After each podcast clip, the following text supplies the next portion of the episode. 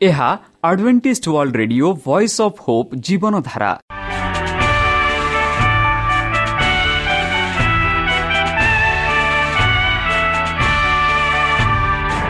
Odia radio କାର୍ଯ୍ୟକ୍ରମ ଯାହା ଆମର ଆନ୍ତର୍ଜାତୀୟ ଆଘାତ କେନ୍ଦ୍ରରୁ ପ୍ରସାରଣ କରାଯାଉଛି ପ୍ରତିଦିନ ରାତି ନଅଟା ତିରିଶ ମିନିଟ୍ରେ। ମୁଁ ସୁବ୍ରତ କୁମାର ପତି ପ୍ରେମର ସହ ଆପଣମାନଙ୍କୁ ଏହି କାର୍ଯ୍ୟକ୍ରମକୁ ସ୍ୱାଗତ କରୁଅଛି। ଚାଲନ୍ତୁ ଆଜିର ତିରିଶ ମିନିଟ୍ର କାର୍ଯ୍ୟକ୍ରମ ବିଷୟରେ ଜାଣିନେବା। ପ୍ରଥମେ ରଖିଛୁ ଆଧ୍ୟାତ୍ମିକ ଭକ୍ତିମୟ ଗୀତ। ଏହାପରେ ଶୁଣିବା ସ୍ୱାସ୍ଥ୍ୟ ବିଷୟରେ ଯାହା ଆମର ଦୈନିକ ଜୀବନରେ ଅତ୍ୟନ୍ତ ଜରୁରୀ। ଆଉ ପରିଶେଷରେ ଶୁଣିବା ପରମେଶ୍ୱରଙ୍କ ଭକ୍ତଙ୍କଠାରୁ ଜୀବନଦାୟକ ଈଶ୍ୱରଙ୍କ ବାକ୍ୟ। ପ୍ରିୟ ଶ୍ରୋତା ତାହେଲେ ଚାଲନ୍ତୁ ଶୁଣିବା ଏକ ଆଧ୍ୟାତ୍ମିକ ଭକ୍ତିମୟ ଗୀତ।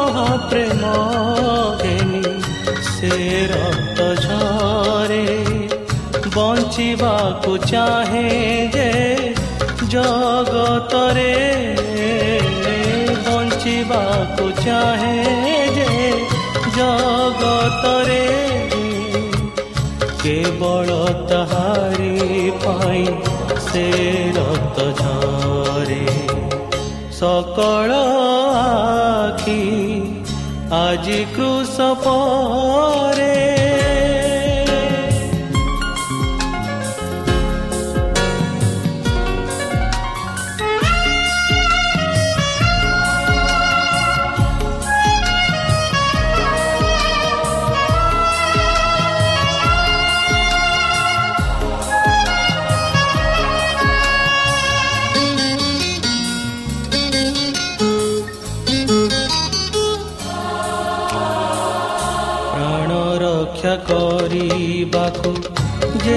ଚାହିଁବ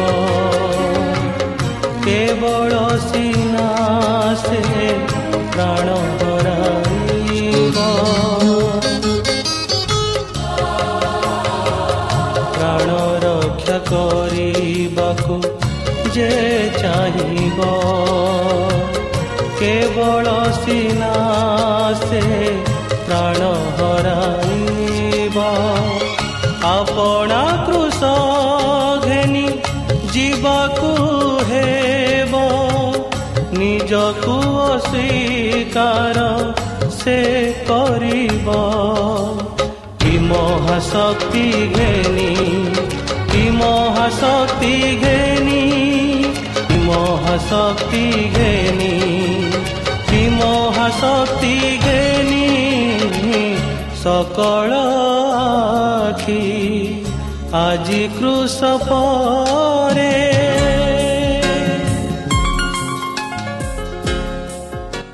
ଆପଣଙ୍କର ମତାମତ ଜଣାଇବା ପାଇଁ ଆମର ଏହି ଠିକଣାରେ ଯୋଗାଯୋଗ କରନ୍ତୁ ଆମ ଠିକଣା Adventist media centre SDA mission compound Salisbury park Pune ଚାରି ଏକ ଏକ ଶୂନ ତିନି ସାତ ମହାରାଷ୍ଟ୍ର ବା ଖୋଲନ୍ତୁ ଆମର ୱେବସାଇଟ୍ ଯେକୌଣସି android phone smartphone desktop laptop କିମ୍ବା ଟ୍ୟାବ୍ଲେଟ୍ ଆମର website W W W dot A W R dot O R G slash O R I ଏବଂ W W W dot Adventist media centre India dot O R G ବର୍ତ୍ତମାନ ଚାଲନ୍ତୁ ଶୁଣିବା ଈଶ୍ୱରଙ୍କ ଭକ୍ତଙ୍କଠାରୁ ଈଶ୍ୱରଙ୍କ ଜୀବନଦାୟକ ବାକ୍ୟ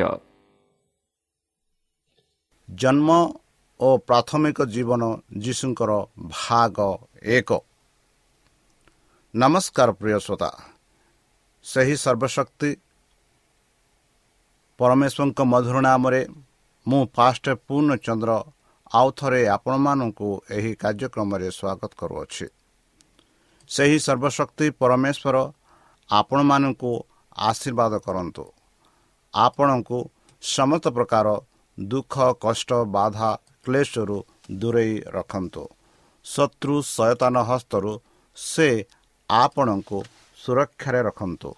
ତାହାଙ୍କ ପ୍ରେମ ତାହାଙ୍କ ସ୍ନେହ ତାହାଙ୍କ କୃପା ତାହାଙ୍କ ଅନୁଗ୍ରହ ସଦାସର୍ବଦା ଆପଣଙ୍କଠାରେ ସହବର୍ତ୍ତୀ ରହୁ।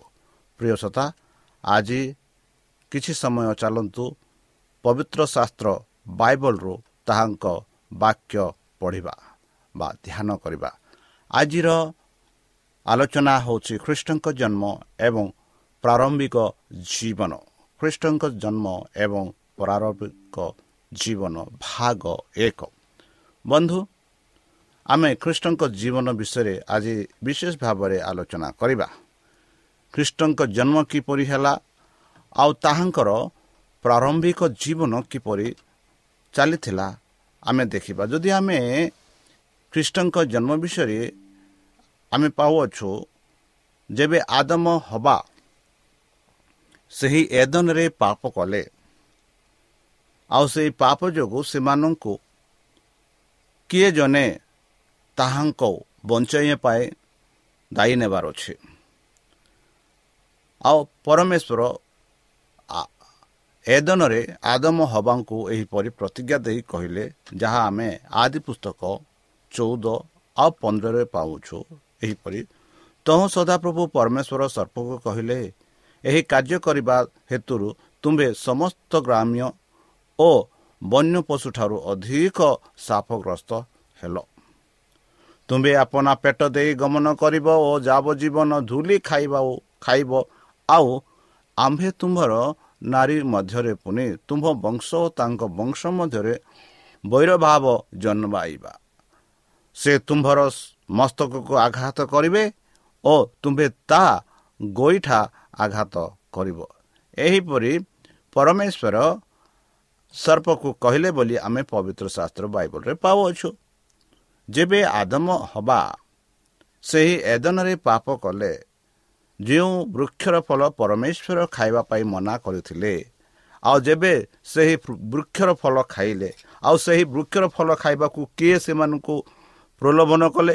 ସେଇ ଯେଉଁ ସର୍ପ ଯାହାକୁ ଆମେ କହୁଛୁ ଲୁସିଫର ବା ସୈତାନ ସେଇ ସୈତାନ ଯିଏକି ଲୁସିଫର ସେହି ସର୍ପର ରୂପ ନେଇ ସେହି ଗଛରେ ଥାଇ ହବାକୁ ପ୍ରଲୋଭନ କଲେ। ଆଉ ଯେପରି ଆମେ ଦେଖୁଅଛୁ ମାନେ ଯେପରି ପରମେଶ୍ୱର ଅଭିଶାପ ଦେଲେ ସର୍ପକୁ ମାନେ ଏହା ଅର୍ଥ ଏହା ଦ୍ୱାରା ଆମେ ଜାଣିପାରୁଛୁ କି ସେତେବେଳେ ସର୍ପ ଉଡ଼ୁଥିଲା। ସେତେବେଳେ ସର୍ପର ଗୋଡ଼ ଥିଲା।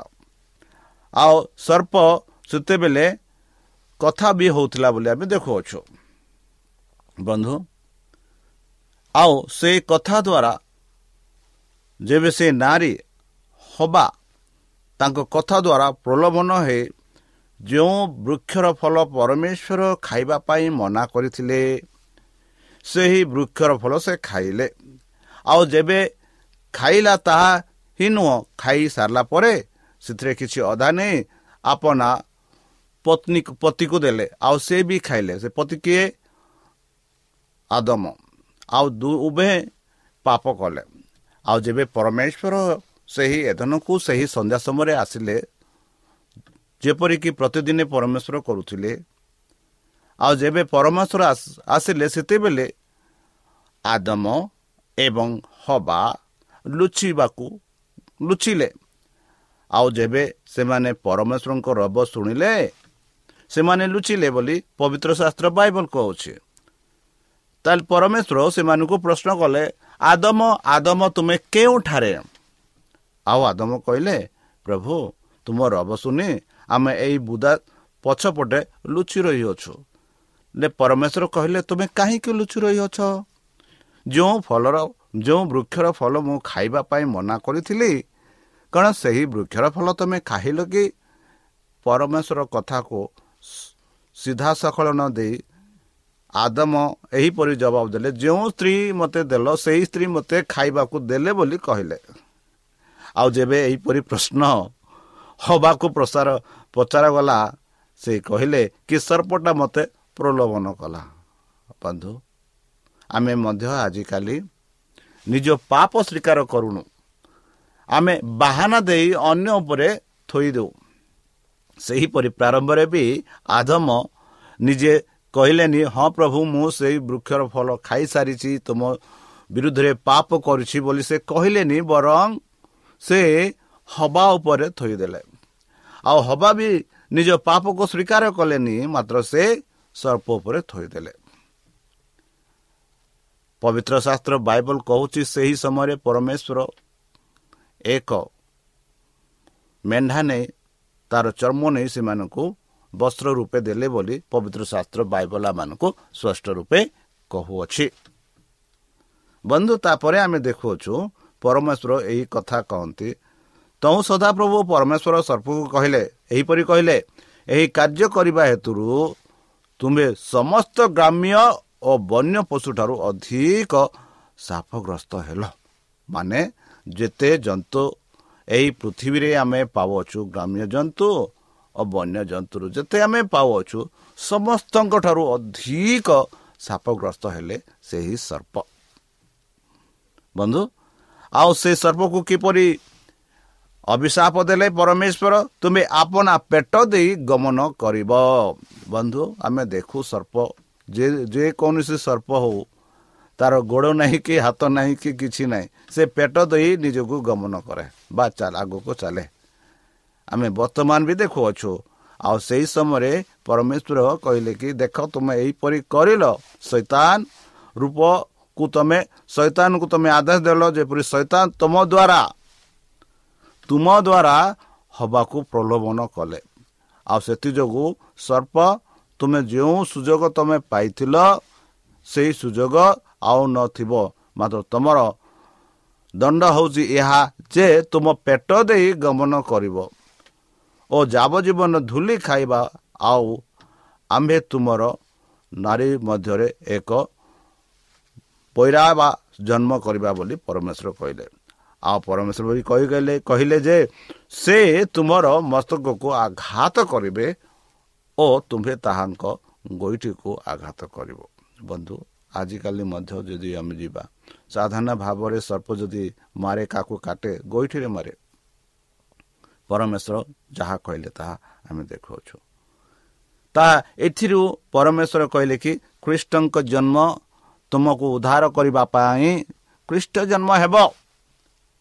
ଆଉ ଖ୍ରୀଷ୍ଟ ଧର୍ମ ଖ୍ରୀଷ୍ଟ ଜନ୍ମ ହେବ ଆଉ ସେ ଖ୍ରୀଷ୍ଟ ହିଁ ସେ ଶୈତାନକୁ ନଷ୍ଟ କରିବ ବୋଲି ଦେଖାଉଛୁ।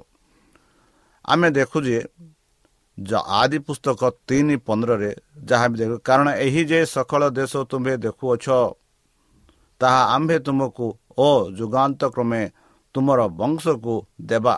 ବନ୍ଧୁ ଆମେ ଯେଉଁ ପ୍ରତିଜ୍ଞା ପରମେଶ୍ୱର କରିଥିଲେ ଆଦମ ହବାଙ୍କୁ ସେହି ପ୍ରତିଜ୍ଞାକୁ ଆଗକୁ ଚାଲିଥିଲା। ଆଉ ଯଦି ଆମେ ଦେଖିବା ଆଦି ପୁସ୍ତକ ତେର ତାର ବାର ପର୍ବ ଦେଖିବା ଆମେ ଦେଖୁଅଛୁ ଅବ୍ରାହ୍ମଙ୍କ କାହାଣୀ। ଅବ୍ରାହ୍ମ ଏକ ବିଜାତି ଦେଶରେ ବାସ କରୁଥିଲେ। ଆଉ ସେ ବିଜାତି ଦେଶରୁ ପରମେଶ୍ୱର ଅବ୍ରାହ୍ମଙ୍କୁ ଆହ୍ୱାନ କରନ୍ତି। ଆଉ ଅବ୍ରାହ୍ମଙ୍କୁ ଆହ୍ୱାନ କରି ସେ ଦେଖାନ୍ତି ଦେଖ ଏହି ଦେଶ ତୁମମାନଙ୍କୁ ଦେବି। କାରଣ ଏହି ଯେ ସକଳ ଦେଶ ତୁମେ ଦେଖୁଅଛ ମାନେ ଯାହା ଯାହା ତୁମେ ଦେଖୁଅଛ ପରମେଶ୍ୱର ସେହି ଦେଶକୁ ଦେଖାଇଲେ ତାହା ଆମେ ତୁମକୁ ଯୁଗାନୁକ୍ରମେ ତୁମର ବଂଶକୁ ଦେବା ମାନେ ସଦାସର୍ବଦା ତୁମର ବଂଶ ଯେତେ ପର୍ଯ୍ୟନ୍ତ ଥିବେ ସେତେ ପର୍ଯ୍ୟନ୍ତ ଏହି ଜାଗାରେ ସେମାନେ ବାସ କରିବେ ବୋଲି ପରମେଶ୍ୱର ଅବ୍ରାହ୍ମଙ୍କୁ ପ୍ରତିଜ୍ଞା କରିଲେ। ତାହେଲେ ଏଇ ଯୋଉ ବୀଜ କିଏ? ଏଇ ଯୋଉ ବୀଜ କିଏ?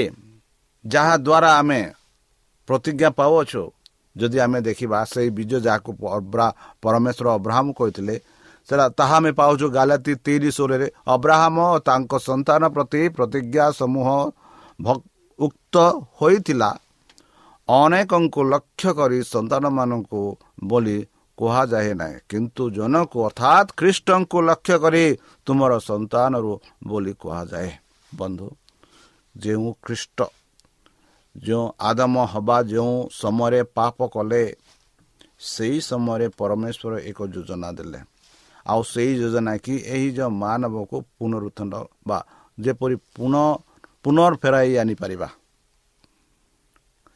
ସେଇ ପୁନର୍ ଫେରାଇ ଆଣିବା ପାଇଁ ଯୀଶୁଖ୍ରୀଷ୍ଟ ଏହି ପୃଥିବୀରେ ଜନ୍ମ ହେଲେ ଯାହା ଆମେ ଦେଖୁଛୁ ଯୀଶୁଖ୍ରୀଷ୍ଟଙ୍କ ଜନ୍ମ ବିଷୟରେ ଆଜି ଆଉ ସେଇ ଯୀଶୁଖ୍ରୀଷ୍ଟ କାହାର ବଂଶ ଦ୍ୱାରା ଜନ୍ମ ହେବେ ଅବ୍ରାହ୍ମଙ୍କ ବଂଶ ଦ୍ୱାରା ଜନ୍ମ ହେବେ ବୋଲି ଆମେ ଦେଖୁଅଛୁ ବନ୍ଧୁ ଗାଲାତି ତିନି ଷୋହଳରେ କହୁଛି ଅବ୍ରାହ୍ମ ତାଙ୍କ ସନ୍ତାନ ପ୍ରତି ପ୍ରତିଜ୍ଞା ସମୂହ ଉକ୍ତ ହୋଇଥିଲା ଅନେକଙ୍କୁ ଲକ୍ଷ୍ୟ କରି ସନ୍ତାନମାନଙ୍କୁ ବୋଲି କୁହାଯାଏ ନାହିଁ କିନ୍ତୁ ଜଣଙ୍କୁ ଅର୍ଥାତ୍ ଖ୍ରୀଷ୍ଟଙ୍କୁ ଲକ୍ଷ୍ୟ କରି ତୁମର ସନ୍ତାନକୁ ବୋଲି କୁହାଯାଏ ବୋଲି ଆମେ ଦେଖୁଅଛୁ। ଆଉ ଯୀଶୁଖ୍ରୀଷ୍ଟ କେଉଁ ସହରରେ ଜନ୍ମ ନେବ? ଆଉ ଯୀଶୁଖ୍ରୀଷ୍ଟଙ୍କ ଜୀବନ କେମିତି ଥିବ? ଆମେ ଦେଖୁଅଛୁ ଯଦି ମାଥ୍ୟୁ ଦୁଇ ତାର ଚାରି ଟୁ ଛଅରେ ଯଦି ପଢ଼ିବା ସେଠି ଆମେ ଭଲ ଭାବରେ ଦେଖୁଅଛୁ। ଚାଲନ୍ତୁ ପଢ଼ିବା। ମାଥ୍ୟୁ ଦୁଇ ଚାରି ଟୁ ଛଅ। ପୁଣି ସେ ଲୋକଙ୍କ ସମସ୍ତ ପ୍ରଧାନ ଯାଜକ ଓ ଛାତ୍ରୀଙ୍କୁ ଏକତ୍ର କରି ଖ୍ରୀଷ୍ଟ କେଉଁଠାରେ ଜନ୍ମଗ୍ରହଣ କରିବେ ତାହା ସେମାନଙ୍କୁ ବୁଝେଇ ବୁଝେଇ ବୁଝେଇ ନେବାକୁ ଚେଷ୍ଟା କଲେ। ସେମାନେ ତାଙ୍କୁ କହିଲେ ଜୁହୁଦା ପ୍ରଦେଶର ବେଥଲିୟମରେ କାରଣ ଭାବବାଦୀଙ୍କ ଦ୍ୱାରା ଏପରି ଲେଖା ଅଛି ଆଉ ଗୋ ଜୁହୁଦା ପ୍ରଦେଶ ବେଥଲିୟମ ତୁ ଜୁହୁଦାର ପ୍ରଧାନ ନଗର ସମୂହ ମଧ୍ୟରେ କୌଣସି ପ୍ରକାରେ କ୍ଷୁଦ୍ରତମ ନୁହଁ। କାରଣ ଯେ ଆମର ଇସ୍ରାଏଲ ଲୋକଙ୍କୁ ପ୍ରତି ପାଳନ କରିବେ ଏପରି ଜଣେ ଶାସନକର୍ତ୍ତା ତୋଠାରୁ ଉତ୍ପନ୍ନ ହେବ। ବନ୍ଧୁ କେଡ଼େ ସୁନ୍ଦର ଭାବରେ ଭବିଷ୍ୟତ ବକ୍ତା କହିଥିଲେ ସେହି ସମୟରେ। ଆଉ ସେଇ କଥା ଯେବେ ସେହି ତିନି ରାଜାମାନେ ଆସି ରାଜା ହେରଦଙ୍କୁ ସାକ୍ଷାତ କଲେ କି ସେହି ଜନ୍ମ ହୋଇଥିବା ରାଜାକୁ ଆମେ ସାକ୍ଷାତ କରିବୁ ବୋଲି। ଆଉ ହେରଦ ରାଜା ସେହି ଶିଶୁ କେଉଁଠାରେ ଜନ୍ମ ହେବ ତାହା ଜାଣିବା ପାଇଁ ସେ ପଚାରିଲେ। ଆଉ ଆମେ ଏଠି ପାଉଅଛୁ କି ସେମାନେ ଏହିପରି ଜବାବ ଦେଲେ କି ଜୁହୁଦା ପ୍ରଦେଶର ବେଥଲିୟମରେ ସେ ଜନ୍ମ ହେବ ବୋଲି। ଯଦିଓ ବା ବେଥଲିୟମ ସେତେ ମୁଖ୍ୟ ନୁହଁ। ବେଥଲେମ ଏକ ଛୋଟ ଗ୍ରାମ। ହେଲେ ହେଁ ସେହି ଛୋଟ ଗ୍ରାମରେ ଯୀଶୁ ଖ୍ରୀଷ୍ଟ ଜନ୍ମ ହେବ ବୋଲି ସେହି ଯେଉଁ ତିନି ରାଜାମାନେ ସେହି ହେରଦ ରାଜାକୁ କହିଲେ। ସେହିପରି ମିକା ପାଞ୍ଚ ଦୁଇ ଯଦି ପଢ଼ିବା ସେ ଭବିଷ୍ୟତ ଭକ୍ତା ଏହିପରି କହନ୍ତି ମାତ୍ର ହେ ବେଥଲିୟମ ଇଫ୍ରପ୍ତା ଜୁହୁଦାର ସହସ୍ରଣର ମଧ୍ୟରେ କ୍ଷୁଦ୍ର ଯେ ତୁମେ ତୁମ୍ଭ ମଧ୍ୟରୁ ଇସ୍ରାଏଲର ଶାସନକର୍ତ୍ତା ହେବା ନିମନ୍ତେ ଆମ୍ଭ ଉଦ୍ଦେଶ୍ୟରେ ଏକ ବ୍ୟକ୍ତି ଉତ୍ପନ୍ନ ହେବ। ପୁରାତନ କାଳରୁ ଅନାଦି କାଳରୁ ତାହାଙ୍କର ଉତ୍ପିତ ହେବ ବୋଲି ସେ କହିଲେ ବନ୍ଧୁ ଏହା ପୁରାତନ ନିୟମରେ ଆମେ ପାଉଛୁ ମିକା ଆଉ ମିକା ଭବିଷ୍ୟତ ଭକ୍ତା ମଧ୍ୟ ସେହି ବେଥଲିୟମରେ ଯୀଶୁ ଖ୍ରୀଷ୍ଟ ଜନ୍ମ ହେବ ଯିଏକି ଶାସନକର୍ତ୍ତା ଯିଏକି ସୃଷ୍ଟିକର୍ତ୍ତା ଯିଏକି ଜୀବନଦାତା ସେ ଜନ୍ମ ହେବ ବନ୍ଧୁ ପବିତ୍ର ଶାସ୍ତ୍ର ବାଇବଲରେ ଯୀଶୁଖ୍ରୀଷ୍ଟଙ୍କ ଜନ୍ମ ହେବା ପୂର୍ବରୁ ଏହା ସବୁ ଲେଖାଯାଇଅଛି ଆଉ ଯୀଶୁଖ୍ରୀଷ୍ଟ କେଉଁଠାରେ ଜନ୍ମ ହୋଇଥିଲେ ବନ୍ଧୁ ବେଥଲେହମ ଗ୍ରାମରେ ତାହେଲେ ଖ୍ରୀଷ୍ଟ କାଁ ପାଇଁ ଜନ୍ମ ହେଲେ ଯଦି ଆମେ ଦେଖିବା ସୁନ୍ଦର ଭାବରେ ଯଦି ଦେଖିବା ମାଥ୍ୟୁ ଏକ ତେଇଶ ସେଠି ଆମେ ପାଉଛୁ ଦେଖ ଜଣେ କନ୍ୟା ଗର୍ଭବତୀ ହୋଇ ପୁତ୍ର ପ୍ରବେଶ କରିବେ ଆଉ ଲୋକେ ତାହାଙ୍କ ନାମ ଇମାନୁଏଲ ଦେବେ। ଏହି ନାମର ଅର୍ଥ ଆମ୍ଭମାନଙ୍କ ସହିତ ଈଶ୍ୱର। ବନ୍ଧୁ ପବିତ୍ର ଶାସ୍ତ୍ର ବାଇବଲ ଇଂରାଜୀରେ କହୁଛି ଇମାନୁଏଲ ଗଡ୍ ୱିଥସ୍ ବାଇବଲ ଓଡ଼ିଆରେ କହୁଛି ଇମାନୁଏଲ ଅର୍ଥ ହେଉଛି ଆମ୍ଭମାନଙ୍କ ସହିତ ଈଶ୍ୱର। ବନ୍ଧୁ ଯୀଶୁଖ୍ରୀଷ୍ଟ ଏହି ପୃଥିବୀରେ ଜନ୍ମଗ୍ରହଣ କଲେ। ଯୀଶୁଖ୍ରୀଷ୍ଟ ଯେପରି ସେ ଆମ୍ଭମାନଙ୍କ ସହ ରହିବେ ତାହା ପାଇଁ ଯୀଶୁଖ୍ରୀଷ୍ଟ ଏହି ପୃଥିବୀରେ ଜନ୍ମ କଲେ। ଆଉ ଯିଶାୟ ଭବିଷ୍ୟତ ଭକ୍ତା ମଧ୍ୟ ଏହା ବିଷୟରେ କହିସାରିଛନ୍ତି କି ଯୀଶୁଖ୍ରୀଷ୍ଟ ଯିଏକି ଜନ୍ମ ହେବ ବୋଲି। ଯଦି ଆମେ ଦେଖିବା ତାର ମାଥ୍ୟୁ ଏକ ଏକୋଇଶ ସେଠି କେଡ଼େ ସୁନ୍ଦର ଭାବରେ ଆମେ ଦେଖୁଅଛୁ କି ଦେଖ ଜଣେ କନ୍ୟା ଗର୍ଭବତୀ ହୋଇ ପୁତ୍ର ପ୍ରସବ କରିବେ। ଆଉ ଲୋକେ ତାହାଙ୍କ ନାମ ଇମାନୁଏଲ ଦେବେ। ଏହି ନାମର ଅର୍ଥ ଆମମାନଙ୍କ ସହିତ ଈଶ୍ୱର। ବନ୍ଧୁ ପ୍ରାରମ୍ଭରେ ଆଦମ ହବା ସେହି ଏଦନ ବଗିଚାରେ ପାପ କଲେ।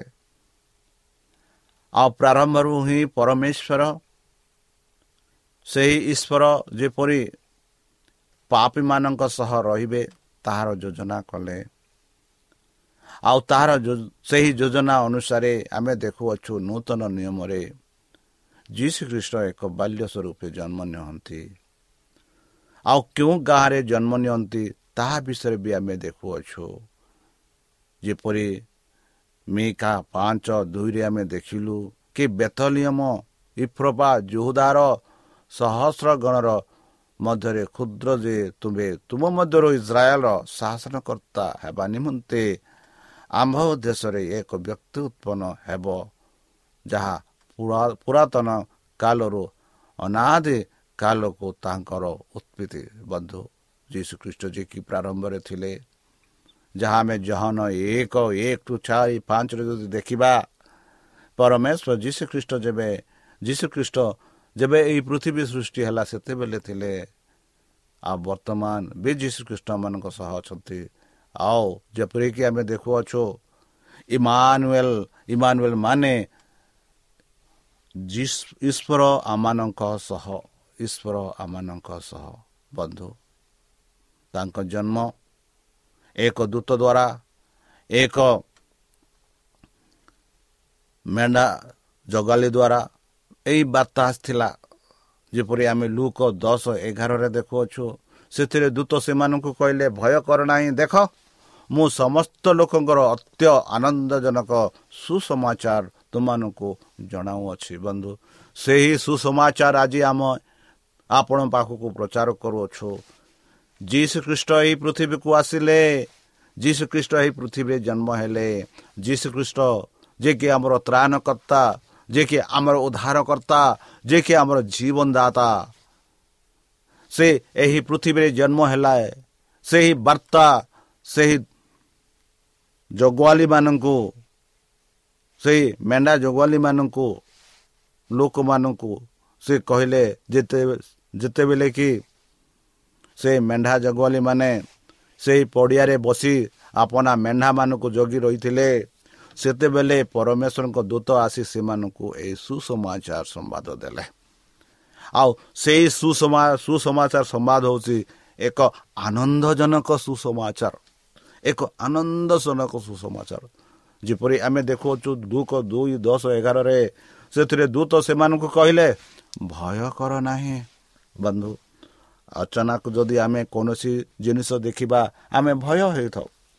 ଆଉ ଏଠି ଆମେ ଦେଖୁଅଛୁ ସେଉ ସେଇ ଜଗୁଆଲି ମାନେ ମେଣ୍ଢା ଜଗୁଆଲି ମାନେ ଯେବେ ସେମାନେ ଦେଖିଲେ ସେ ଦୂତକୁ ସେମାନେ ଭୟ କଲେ। ଆଉ ଦୂତ କହୁ ତମେ ଭୟ କର ନାହିଁ।